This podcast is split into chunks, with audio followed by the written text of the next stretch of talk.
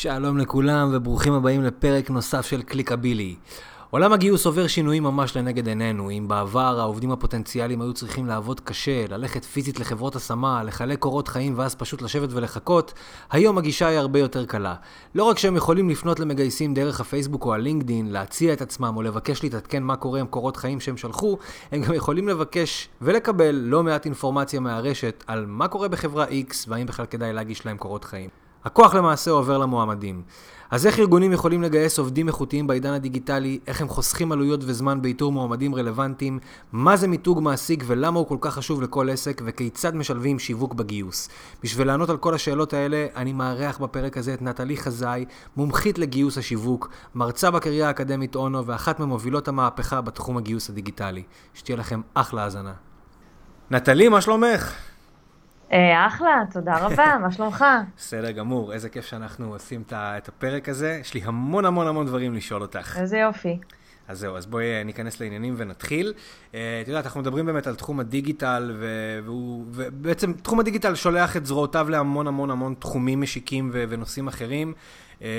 והוא גם מביא המון שינויים בשווקים ובתחומים שהכרנו אותם בצורה מסוימת עד היום. אין ספק שכל מה שקשור למשאבי אנוש ולגיוס אה, גם כן עובר איזושהי אה, מהפכה דיגיטלית, ואני חושב שאת לחלוטין הבן אדם הנכון לדבר איתו על, על כל הנושא הזה, על כל, ה- על כל ההתפתחות של השוק ואיך אנחנו משתמשים בכלים דיגיטליים, אה, לגיוס של עובדים ו sourcing ותחום הגיוס וכדומה. אה, אז את אה, בעניינים מוכנה להתחיל לענות קצת על שאלות? מוכנה לגמרי. אוקיי. אז בואי בעצם נדבר על, על מה זה גיוס עובדים בתוך, את יודעת, בתוך העידן הדיגיטלי החדש הזה. זאת אומרת, איך, איך הדברים השתנו מפעם, איך אנחנו עושים את ההתאמות לעולם של היום, איך אה, מנהלות משאבי אנוש צריכות להסתכל על כל התחום הזה ולשלב את הפן הדיגיטלי בתוכו. וואו, עולם הגיוס עבר ממש ממש מהפכה, והמהפכה עוד ממשיכה כל הזמן. אה, ומשהו שאני אומרת כל הזמן למנהלות גיוס זה שמה שעשינו אתמול כבר אה, לא עובד היום, ומה שאנחנו עושות היום כנראה לא יעבוד מחר. וצריך כל הזמן להיות אה, up to date על הכלים החדשים, על מה שצריך לעשות, על הפרסונליזציה שהולכת וגוברת, וכל הזמן להיות עם היד על הדופק על הכלים הדיגיטליים. אני זוכרת כשהייתי חיילת משוחררת ככה, הלכתי עם שמרדף ברחוב מסוים בפתח תקווה, אה, ובתוך השמרדף היו לי קורות חיים מודפסים. והייתי נכנסת מחברת השמה אחת לשנייה, הם היו חנויות כאלה של חברות השמה, אה, ששם היינו מעבירים את קורות החיים שלנו. מקסימום, מקסימום כמה שנים אחר כך הייתי שולחת דרך אתרי דרושים. Okay, okay. והיום, כל הפורמט הזה בכלל לא עובד, אנשים לא עושים את זה, הם לא נכנסים לאתרי הדרושים, התוצאות הרבה פחות טובות, בטח שלא עושים walking למשרד של חברת השמה, זה כבר פשוט לא עובד ככה. וגיוס העובדים הופך להיות קשה יותר ויותר, ומדברים היום על זה שהשוק עבר משוק של מעסיקים לשוק של מועמדים. זה אומר שלעובד יש את הכוח, ואני אפילו okay. אוקיי. uh, שמה בהרצאות שלי את השיר הידוע משנות ה-90, I've got a power! כי טאלנטים, כשאתה מביא אותם ל- לראיונות עבודה והם מגיעים לשלב הסופי ואתה מגיש להם הצעה, הם בוחרים האם להמשיך איתך או לא. יש להם את אפשרות הבחירה. הם בוחרים uh, האם ללכת איתך או למעסיק אחר, הם בוחנים אותך במהלך הראיון ולכן להם יש את הכוח. עכשיו, יחסי הכוחות מאוד מאוד השתנו בשנים האחרונות, אני מאמינה בגלל הרשתות החברתיות. כששלחתי אני כמחפשת עבודה לפני המון שנים קורות חיים, לא ידעתי האם הקורות חיים הגיעו לצד השני, מי הוא הצד השני, האם זה ששלחתי לחברה מסוימת, מי מאחורי השם והמותג, האם זאת רונית או בר או, או נועה, מי שם מטפל בי. בכלל, לא, לא היה לי שום קשר עם המותג הזה שפרסם משרה. מגיעים לעידן הרשתות החברתיות ואנחנו מבינים שמודל התקשורת השתנה לחלוטין. אני תלמידת תקשורת לשעבר, כך היה התואר הראשון שלי, okay. אוקיי. ואני זוכרת שהמודל תקשורת הראשון שלמדתי היה מוען מסר נמען. יש מישהו בתקשורת המונים, אה, העורך או העורכת של הטלוויזיה, הרדיו, העיתונות, הקולנוע, שמחליט על איזשהו מסר שהוא מעביר לקהל שלו. אוקיי? וזה חד-כיווני. כשמסתכלים על רשתות חברתיות, מבינים שכאילו יחסי הכוחות ממש ממש השתנו. אין כבר הגמוניה שמחליטה על התהליך הזה, וזה פרוץ לכולם, וכולם יכולים להשפיע. אני חוזרת לעולם הגיוס. המועמדים יודעים בדיוק לנצל את זה לטובתם. המגייסות מפרסמות בפייסבוק משרות, אז הם פונים אליהם ברמה האישית ומבקשים לדעת, הם קיבלו קורות חיים, והאם הם מתאימים או לא מתאימים, ואם הם לא מתאימים אז למה. יש להם יותר אה, שקיפות לגבי הארגון. כן. השקיפות הזאת היא, היא בכמה רבדים, גם בנגישות הזאת של המועמדים לרכזות הגיוס, גם בכך שברשתות החברתיות אני יכולה לדעת מה קורה באותה חברה. גם ברמת המיתוג מעסיק, מה שהחברה רוצה לדבר, זו דרך מצוינת להגיע למועמדים, וגם ברמה של, אה, שהם יכולים לדעת מה קורה מאחורי הקלעים, מתוך סיפורים של עובדים, שמפרסמים את זה ברשתות החברתיות שלהם. אם מועמד רוצה לדעת איזה שאלות הולכים לשאול אותו בריאיון, אפילו בחברות הכי טובות והכי מובילות, אה, אני אלך על פייסבוק, גוגל, אמזון וכו', הם יכולים להיכנס לגלסדור ולברר מה הם אוכלים בחדר אוכל בימי שלישי. ברמה הזו. אז ישנה שקיפות ברשתות החברתיות שמאפשרת לעובדים לקבל החלטות יותר מושכלות, לקבל החלטה מתוך זה שהם יותר יודעים, ולכן כשמגיעים איתם למעמד של הרעיון עבודה, הם יודעים הרבה יותר ממה שהצגתי בפניהם. אוקיי, okay, מעניין. זאת אומרת, אנחנו נמצאים באיזשהו שלב ש... המגייס, או החברה לצורך העניין, אה, אה, צריכה, את יודעת, לשדר איזשהו פאסון מסוים, נקרא לזה, לאורך כל התהליך. כאילו, אם פעם בן אדם היה שולח קורות חיים והיה מקווה שיתקשרו אליו, אז היום הוא באמת פונה למגייסת בהודעה אישית דרך הפייסבוק, מצליח לסדר לעצמו את הרעיון עבודה, ואת יודעת, מבחינתו כאילו, אוקיי, הוא יתקדם עוד שלב, ומבחינת המעסיק, גם כן, אה, בואו ניפגש, נשב ונעשה את הרעיון, אבל כאילו, העובד כבר מגיע עם דעות שבואי נגיד שלפני עשר שנים לא היו לו אותם. ו- נכון. ו- וזה כאילו גם שמת את החברה, אני מאמין, באיזשהו מקום אחר, פחות ש- שהוא פחות נוח לה, אני מתאר לעצמי. נכון, החברה צריכה לעשות המון מאמצים כדי למשוך את המועמדים, את העובדים העתידיים, הן ברמת uh, חוויית העובד ומה שהעובד מקבל בתוך החברה, והן אפילו בתהליך הגיוס, ואני לוקחת אה, מונחים מעולם השיווק ומלבישה אותם על עולם הגיוס. אם פעם, אם פעם, אני שומעת הרבה אנשי גיו, אה, שיווק שמדברים על אה, מסעות לקוח. אוקיי. נכון? נכון? בעצם זה כל הנקודות שאנחנו פוגשים את הלקוח שלנו, אני מקבילה את זה למועמד. הוא עובר מסעות מועמד. איך הוא פגש אותנו פעם אחת בפייסבוק של חבר שלו, שסיפר שהם היו ביום כיף חברה. אוקיי. Okay. אני מקווה שהוא יראה את זה ולא את הדבר השלילי, שהבוס שלו עצבן אותו, אוקיי? זה יכול להיות לכאן או לכאן. אז הוא עובר פעם אחת בפייסבוק, ופעם אחת הוא רואה משרה באתר דרושים, ופעם הוא פוגש את המגייסת בלינקדאין. אה, ואז הוא מגיע, הוא שולח את הקורות חיים שלו, ואיזה תגובה הוא קיבל. ואז הוא מגיע לראיון עבודה, ואיזה חדר הוא נכנס אליו, הוא היה נעים, לא נעים, הציעו לו קפה, חייכו אליו בקבלה, לא חייכו אליו בקבלה. כל הפרמטרים האלה, כל המסע הזה שהמועמד עובר, זה, זה מסעות שמשפיעים על ההחלטה שלו בסופו של דבר.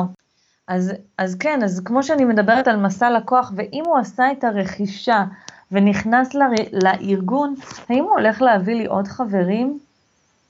האם הוא הולך לעשות לי ריהאש, כמו שאומרים בעולם המכירות, אוקיי? להגדיל לי את המכירות, או אני אגדיל, להגדיל את הגיוסים בזה שהוא יביא לי את החברים שלו, כי החוויה שלו טובה. אז אני כל הזמן מחזרת אחר המועמדים. הבעיה היא שאני רואה איזשהו דיסוננס מאוד גדול בין תחושות המועמדים לתחושות המגייסים. כשאני נכנסת ל... ל... קבוצות או קהילות של מגייסים, אני רואה את הקושי של המגייסים להביא מועמדים אליהם.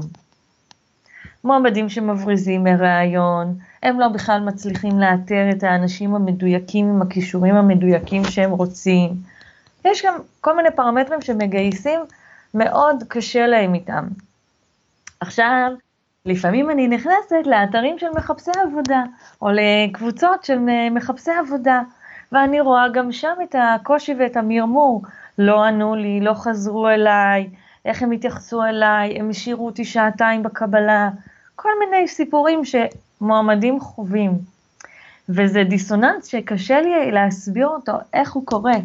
זה מעניין, כי כאילו על פניו, לפחות מאיך ש, שהדברים מתוארים, נשמע כאילו העובד היום נמצא, את יודעת, באיזשהו מקום שיש לו אין ספור הצעות והוא יכול באמת כאילו אה, להיות קטנוני על, אה, על, עם, עם המעסיק, אם באמת השאירו אותו שעתיים בקבלה או לא הכינו לו קפה.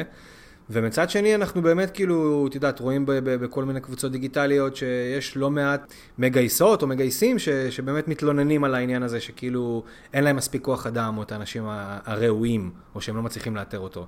אז כאילו, אני מניח שהאמת היא איפשהו באמצע, איך, איך מגשרים על הפער הזה? אה, מה שאני מנסה לעשות זה ללמד, להוביל את אה, תחום הגיוס למקצוענות. וגם להביא אותם למצב שהם יודעים גם להשתמש בכלים דיגיטליים אה, כדי להביא אליהם את המועמדים המדויקים. תני לי דוגמה לכלים כאלה.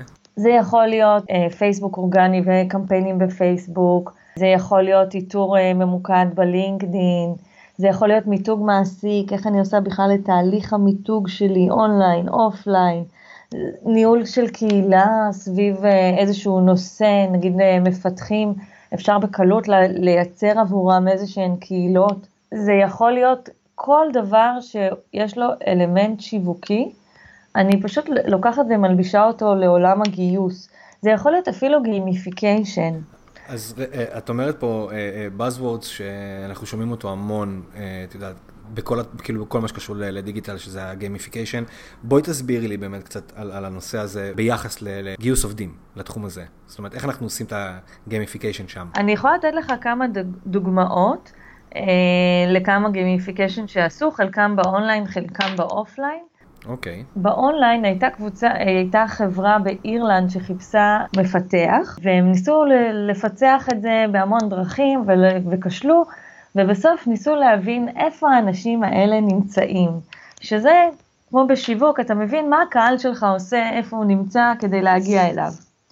מה שהם הבינו זה שהם משחקים איזשהו משחק מחשב, שהיה פופולרי באותה תקופה.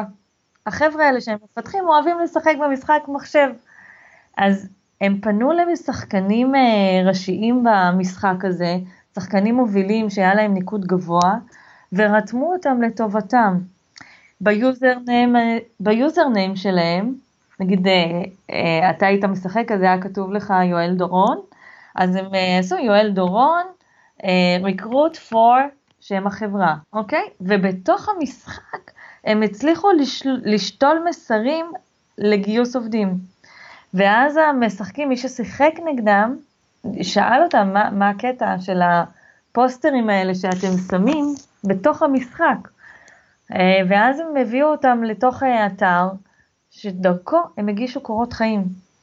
והם מצאו, דרך, דרך השיטה הזאת הם מצאו מג... אה, מפתח. וואלה, מעניין. אז זה באמת הקיצון לדעתי, והפרסונל... להגיע לקצה של באמת מה הקהל שלך עושה ביום יום שלו ולהגיע אליו. דרכים אחרות זה חברת יוניליבר, יצרו משחוק, לדעתי הם יצרו שבעה משחקים כמסננת לקורות חיים לתפקידי ג'וניור. או 12, או 12 משחקים, זה היה משחקונים כאלה שבוח, שבוחנים את היכולות. מאחר והם אמרו, זה לא ממש משנה לנו אם עבדת בתור נציג שירות, או, או היית מלצר, או עשית תפקיד קטן ככה בתור סטודנט, יותר חשוב לנו להבין את היכולות שלך, אז הם יצרו משחוק שבסופו של דבר אה, בוחן את היכולות. וככה הם גם סיננו בצורה נורא קלה מועמדים, וגם גרמו לבאז כזה של איזה כיף להגיש מועמדות ליוניליבר, זה משחקי מחשב. האמת שכן, זה לגמרי עושה את העבודה, זה, זה יוצר את הבאז הזה. ויש גם משחקי offline. אני יכולה לספר לך על חברה ישראלית של קולגות שאני מאוד מעריכה, והם עושים אה, חדר בריחה, חדר בריחה פיזי, לאבחון של מועמדים. מעניין. אני, אני אשאל שאלה אחרת, כאילו, אין ספק שעל פניו לפחות זה, זה נשמע כמו אחלה של דבר, אה, אבל זה דורש גם, אני מניח, לא מעט תקציב להעביר תהליך כזה. השאלה בעצם היא, איך בעצם חברות קטנות שרוצות לאתר את הבן אדם הנכון ולא רוצות לשרוף עכשיו מלא זמן, את יודעת, על, על, על באמת סתם לפרסם פוסטים בפייסבוק, איך הם בעזרת משחוק יכולים, יכולים להגיע, ליצור איזשהו, לא יודעת, ליצור משחקים קטנים ולהגיע לאנשים הנכונים? זה לא חייב להיות אה, תקציבים מאוד מאוד גדולים. החברה האירית שסיפרתי לך עליה, דווקא הם אמרו שזה היה תקציב נמוך. אה, צריך להבין מה החלופה. החלופה של... אה, איתור ממוקד גם עולה כסף, והחלופה של אה, פרסום אגרסיבי, גם אם הפרסום לא נורא יקר, הסינון, גם אם עכשיו יביאו לך המון המון קורות חיים, הסינון הוא מאוד יקר, אוקיי? כי זה עלויות של זמן של עובדים. אז צריך להבין כאילו גם מה החלופה, כן? זה עולה איזשהו אה, תקציב. אה, משחוק יכול להיות גם בתוך רמת החברה, ישנו סטארט-אפ ישראלי בשם יוטפו, אה, שיצרו משחוק בתהליך החבר מביא חבר שלהם. מה שהם עשו זה היה בינגו. בעזרת בינגו הם אה, הצליחו לגייס בחודש אחד 16 אנשים, בסטארט-אפ זה המון המון אנשים, והם חסכו כ-70 אלף דולר. איך הם עשו את זה? בתוך הכרטיסייה של הבינגו, כדי להשלים שורה או טור, או אלכסון, אה, אי אפשר היה להשלים אף אחד מהם בלי לעשות משימת HR. משימת HR זה אומר אה, בוא פרסם משהו בפייסבוק או בלינקדאין שלך וכו'. בעזרת זה הם הביאו 16 מפתחים, וככה הם הצליחו לחסוך. אז אני אומרת שלפעמים, כן, המשחוק, אה, להכין כרטיסיות בינגו, כנראה עלה קצת כסף, אבל ביחס למה שהם חסכו על ידי זה שהם לא הוציאו את הגיוסים האלה לחברות השמה חיצוניות, זה, זה לגמרי שווה את זה. טוב, זה, זה, אם הם חסכו את הכסף אז ברור. אה, את יודעת, ואם זה הכניס להם באמת אנשים אה, איכותיים וטובים, אז זה אחלה סינון מבחינתם. כן, אנחנו עושים את הכל רק כדי לחסוך כסף, כאילו זה תמיד בחשיבה עסקית. זה, שזה לא תמיד הדבר הנכון לעשות. אה, יכול להיות, אבל אתה יודע, זה, בחשיבה עסקית אתה לפעמים מהמר, אבל uh, לרוב זה כדי uh, לצמצם עלויות כלשהן, זה יכול להיות שהצמצום עלויות יהיה על ידי זה שבחרת לפנות לחברת השמה, ושהם יביאו לך עובד תוך חודש, ולא להתברבר עם זה שלושה חודשים. עכשיו, את יודעת מה, אנחנו כבר מדברים על חברות השמה, כאילו, מה, מה החלק שלהם בכל השינוי הזה שהשוק עובר? כאילו, איך הן יכולות לעשות את, ה, את ההתאמות? וואו, לחברות השמה יש אה, אתגר מאוד גדול, אה, בגלל שיש מאגרי מועמדים ציבוריים, שזה ה LinkedIn, ה Stack Overflow, ה GitHub, אז לכאורה חברות לא חייבות את החברות השמה יותר, ש, שזה היה פעם הכוח הגדול שלהם. Uh, היום חברות השמה צריכות איכשהו להביא ערך מוסף uh, מאוד גדול, או שזה מענה בזמן מאוד קצר, או שזה באמת הבאה של אנשים מאוד מאוד מדויקים. אין ספק שעומד בפני חברות השמה אתגר. אני לא יודעת איך הם יראו בשנים הקרובות. זהו, זה מעניין. האם זה, זאת נישה, כאילו, את יודעת, החברות השמה בדרך להיכחד, את יודעת שזה כנראה בומבסטי להגיד, אה, או שהם פשוט ימצאו לעצמם אה, תחומים מאוד מאוד ספציפיים שבהם הם יהיו ממוקדים. כי אם היום באמת אותה מגייסת שיושבת בתוך חברה יכולה בעבודה, את יודעת, קצת בלינקדין לחפור ולמצוא אנשים רלוונטיים, אז, אז למה צריך אותם בעצם? כי לא תמיד יש לנו את הזמן, או את ה capacity, את הכוח אדם, או את המיומנות לעשות את זה. ולכן okay. אוקיי. חברות השמה חייבות גם uh, להכשיר את העובדים שלהם להיות הכי הכי מתקדמים uh, ברמת החיפושים וה, והעבודה המהירה.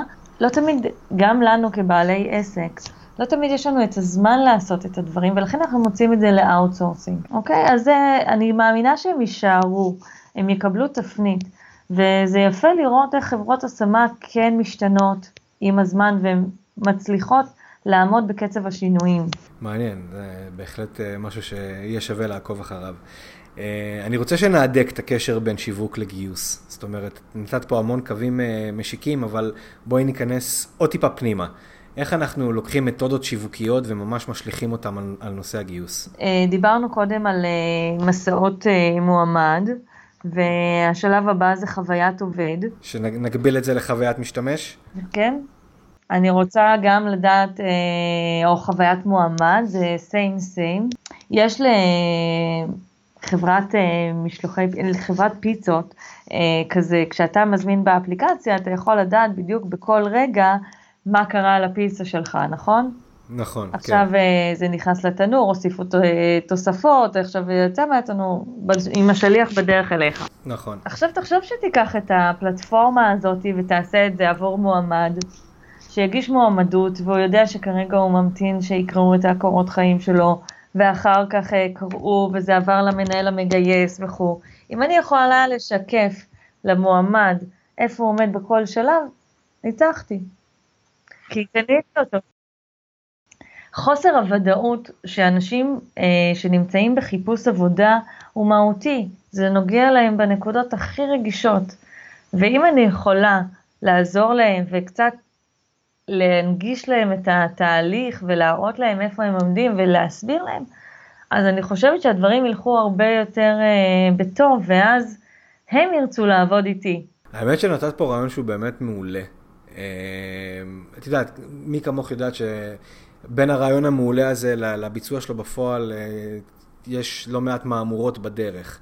אה, על פניו, הלוואי ובאמת כולם היו יכולים לעשות דבר כזה, אבל בואי נהיה, כאילו, אנחנו נמצא מנקודת הנחה שעכשיו אי אפשר יהיה לבנות איזשהו ממשק כזה, כי שוב, זה כרוך בעלויות, ולא בטוח שכאילו כל חברה הייתה רוצה להשקיע. איך בכל זאת אפשר לתת את החוויית uh, משתמש הזאתי, את יודעת, בלי יותר מדי אמצעים? זאת אומרת, האם יהיה נכון לחברות ו- ומעסיקים, את יודעת, להשתמש בעמוד הפייסבוק שלהם בשביל לשלוח הודעות יזומות למועמדים ולעדכן אותם איפה הם נמצאים, זה, זה כלי שאפשר להשתמש בו, את יודעת, אם זה, בין אם זה בוואטסאפ או בפייסבוק או לא משנה איפה, או שפשוט כאילו יחכו עד שמישהו מה, מהמחלקה הטכנית יפתח עבורם פיתוח ש, שהוא מבריק בעיניי, כן? אבל הוא קצת פחות בר ביצוע ברוב המקרים. תראה, אה, אין ספק שהכלי הכי אה, פופולרי הוא פייסבוק.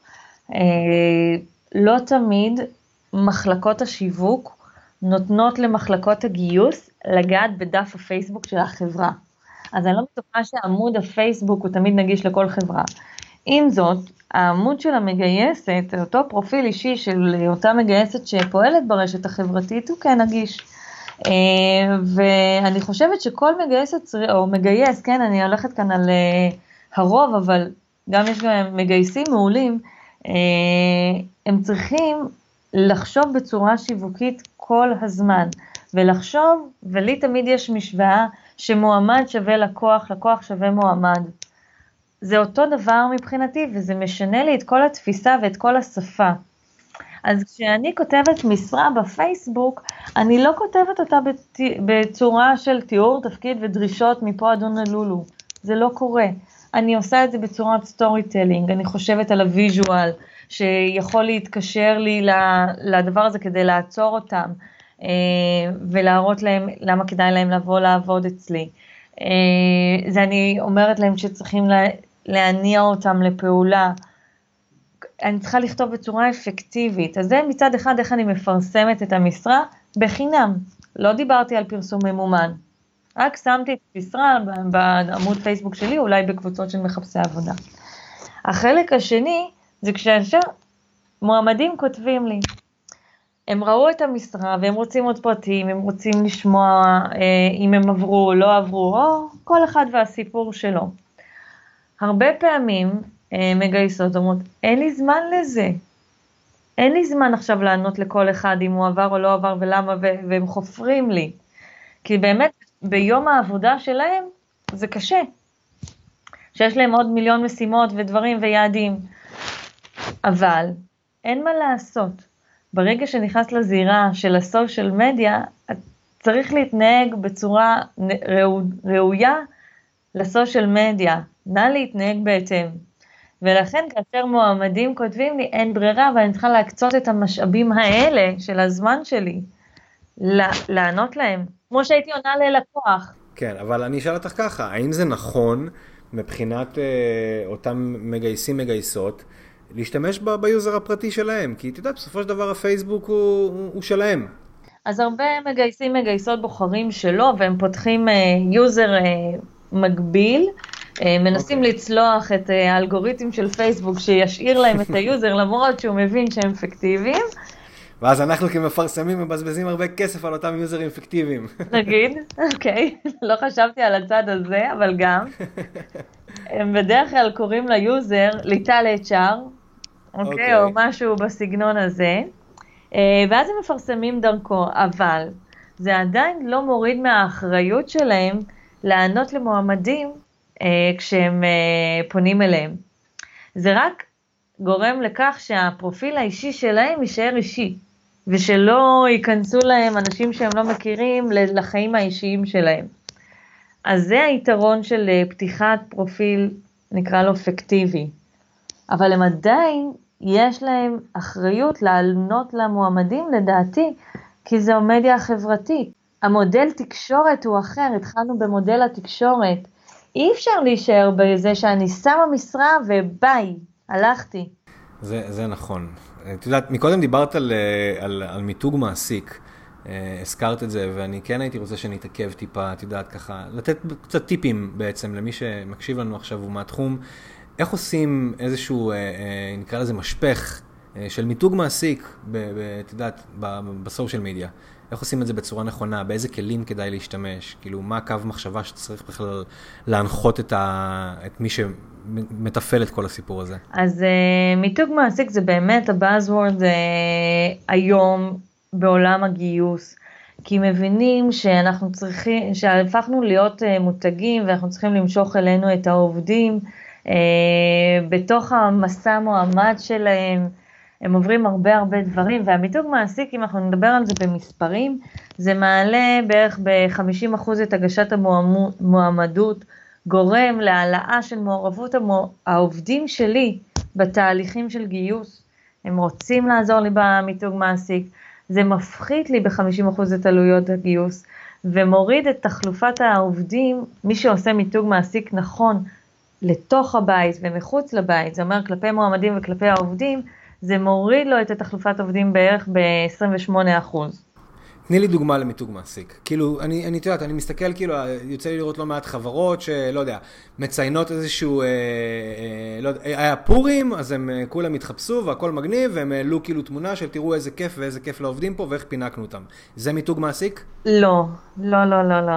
זה okay. אוקיי. ממש לא המיתוג מעסיק. אה, במיתוג מעסיק אנחנו מדברים על חמישה שלבים שצריך לעבור דרכם. כדי להחליט האם בכלל לפרסם את התמונת פורים הזו, האם היא נותנת ערך. אז okay. בעצם אוקיי. אנחנו צריכים לנתח קודם כל מה המצב הקיים, אה, איך אה, תופסים אותנו, איך תופסים אותנו המועמדים, איך תופסים אותנו העובדים, אה, מה בכלל הרפיוטיישן שלנו. אחר כך אנחנו צריכים לגבש איזושהי אסטרטגיה לגבי מה אנחנו רוצים להביא לעולם. וזה בעצם אנחנו צריכים לפענח מה ה-EVP, EVP, Employer Value Proposition, הצעת הערך של המעסיק. והצעת הערך המעסיק היא לא יכולה להיות שטוחה ואחידה לכל הקהלים.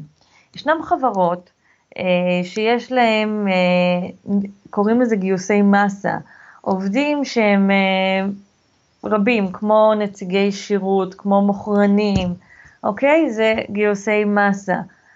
עבורם ה-EVP, הערך שהמעסיק יביא, יהיה שונה כנראה מה-EVP שיביא המעסיק לתפקידי מטה, או לתפקידים טכנולוגיים. אז אני צריכה להבין מה בכלל הערך של המעסיק. האם באמת אווירת הפאן היא הערך שלי?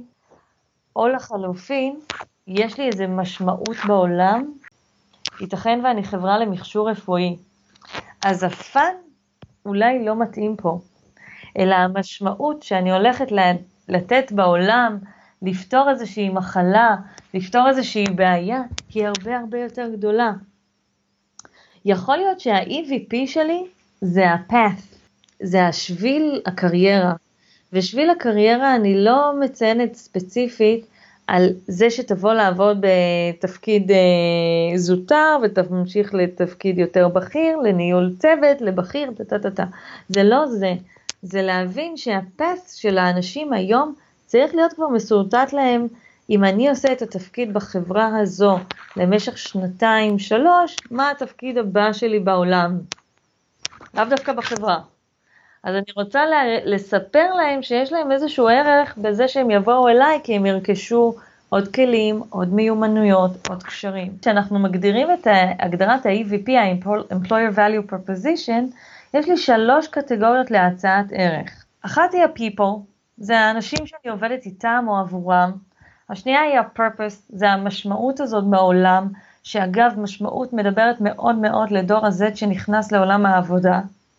והחלק השלישי זה ה path, זה השביל שלי. האם כשאני אעבוד בתפקיד הזה, זה יקדם אותי לתפקיד הבא, בתוך הארגון או מחוץ לארגון. סופר מעניין, את יודעת, אני כאילו שומע אותך ואני ישר משליך את זה כאילו על, על מבחינת marketing ועסקים ודברים כאלה, ואני באמת חושב ש, שאחד מה, נקרא לזה תופעות לוואי, אבל תופעת לוואי חיובית לצורך העניין, זה שגם לקוחות פוטנציאליים שרואים את, ה, את המיתוג מעסיק הזה, והם לא מתכננים לבוא לעבוד בחברה מן הסתם, גם להם, כאילו, כשהם רואים את כל, ה, את כל המעטפת הזאת, הם יכולים להגיד, את יודעת, זאת, זאת חברה שאנחנו רוצים לעשות איתה עסקים, כאילו, כי, כי היא משדרת משהו ש, שאנחנו מתחברים אליו. זאת אומרת, יש פה, יש פה גם ערך מוסף מעבר רק ל, ל, למעסיק, למעסיק מועסק נקרא לזה ככה. יואל, אני שולחת לך נשיקות על גלי האתר, ממש. אני כל כך כל כך שמחה, כי, כי זה ה...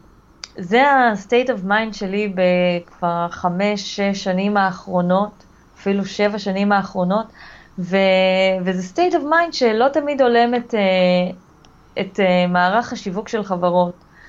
והרבה פעמים צריכה, אני צריכה לעבוד קשה מאוד כדי לרתום את מחלקת השיווק אליי, ולהסביר להם את המשוואה המאוד מאוד פשוטה הזו, שלקוח שווה מועמד, מועמד שווה לקוח. לגמרי. אני חושבת שבשנה האחרונה ישנה קצת יותר פתיחות מטעם אנשי השיווק, אבל לגמרי צריך להבין את זה, שאנשים קונים משמעות או ערכים, וזה שהם יתחברו לאיך אני מתייחסת לעובדים שלי, זה יעלה לי את המכירות.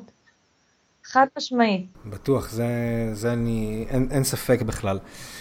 אה, אנחנו כאילו בעצם עדים פה ממש לצמיחה של אה, תת תחום חדש, כאילו, של שיווק גיוס, כאילו ממש ככה. אז, אז מי, עוסק, מי עוסק בזה היום? ראשית, ישנם חברות שכבר יש להן מחלקות כאלה, או לפחות פונקציה אחת, okay. אה, שעושות שיווק גיוס. לפעמים זה בתוך גם מעטפת של sourcing, ואני רגע אשים כאן איזושהי כוכבית הסבר. sourcing זה איתור מועמדים פסיביים או הגדלת מקורות גיוס, וכאן אנשים הולכים ועושים פנייה ממוקדת ופותחים ערוצי גיוס נוספים אה, או פלטפורמות לגיוס. אז זה בעצם, זו עבודה לאיש אחד, ה sourcing, והשיווק גיוס זה לאדם אחר לחלוטין, וזה לאו דווקא ברמת המספרים, אדם ואדם, אלא זה בדרך כלל פרסונות מאוד מאוד שונות. ה sourcing זה אנשים שמגיעים מעולם המידענות, והשיווק גיוס זה יותר אנשים שהם אנשי פרסום, שיווק, במהותם או ב, ב, בהכשרתם. אז יש אנשים שעושים את זה, אה, מעט מדי, ולכן אה, אני פיתחתי קורס שנקרא שיווק הגיוס ו sourcing, אה, שאני מעבירה אותו בקריה האקדמית אונו, ומכשירה אנשים לעשות את זה מאלף עד תף. המשתתפים בקורס הם או אנשים מעולם הגיוס, או אנשים מעולם השיווק. וזה הדהים אותי לראות את השילוב ביניהם. הם מלמדים אחד את השני המון דברים. אנשי השיווק מבינים את המשוואה הזאת של המועמד שווה לקוח, ורואים המון ערכים בזה, ואנשי הגיוס מקבלים ערכים של קריאייטיב ויצירתיות, ומה אפשר לעשות, זה פותח להם את הראש. זאת אומרת שהקומבינציה הזאת היא בעצם כאילו כל צד מפרה את השני במהלך הלימודים האלה. לגמרי. אני מביאה את שני הצדדים, אבל כמובן שהתלמידים גם מפרים אחד את השני. יותר טוב מזה? לא יכול להיות. לא, לא. יופי, נטלי, אה, אני באופן אישי למדתי המון, והיה לי uh, מעשיר מאוד, ואני ממש שמח ש- שדיברנו על כל הדברים האלה, ויש פה באמת המון המון, כאילו, את יודעת, ערך ש- שכל מי שמאזין ו- ו- ומתעסק בתחום הזה יכול לקחת ו- וליישם, וכמובן להירשם לקורס. אה, והמון תודה על הזמן שלך. בבקשה, בכיף. עוד פרק של קליקבילי מגיע לסיומו, מקווה שנהניתם. אתם יכולים, וזה אף רצוי, שתעשו subscribe לפודקאסט הזה, גם באייטונס, גם בסטיצ'ר, גם בספוטיפיי, איפה שאתם לא מקשיבים לו. מוזמנים כמובן לעקוב אחריי ביוטיוב, באינסטגרם, בפייסבוק, יואל דורון מדיה דיגיטלית. עד לפעם הבאה, נשתמע.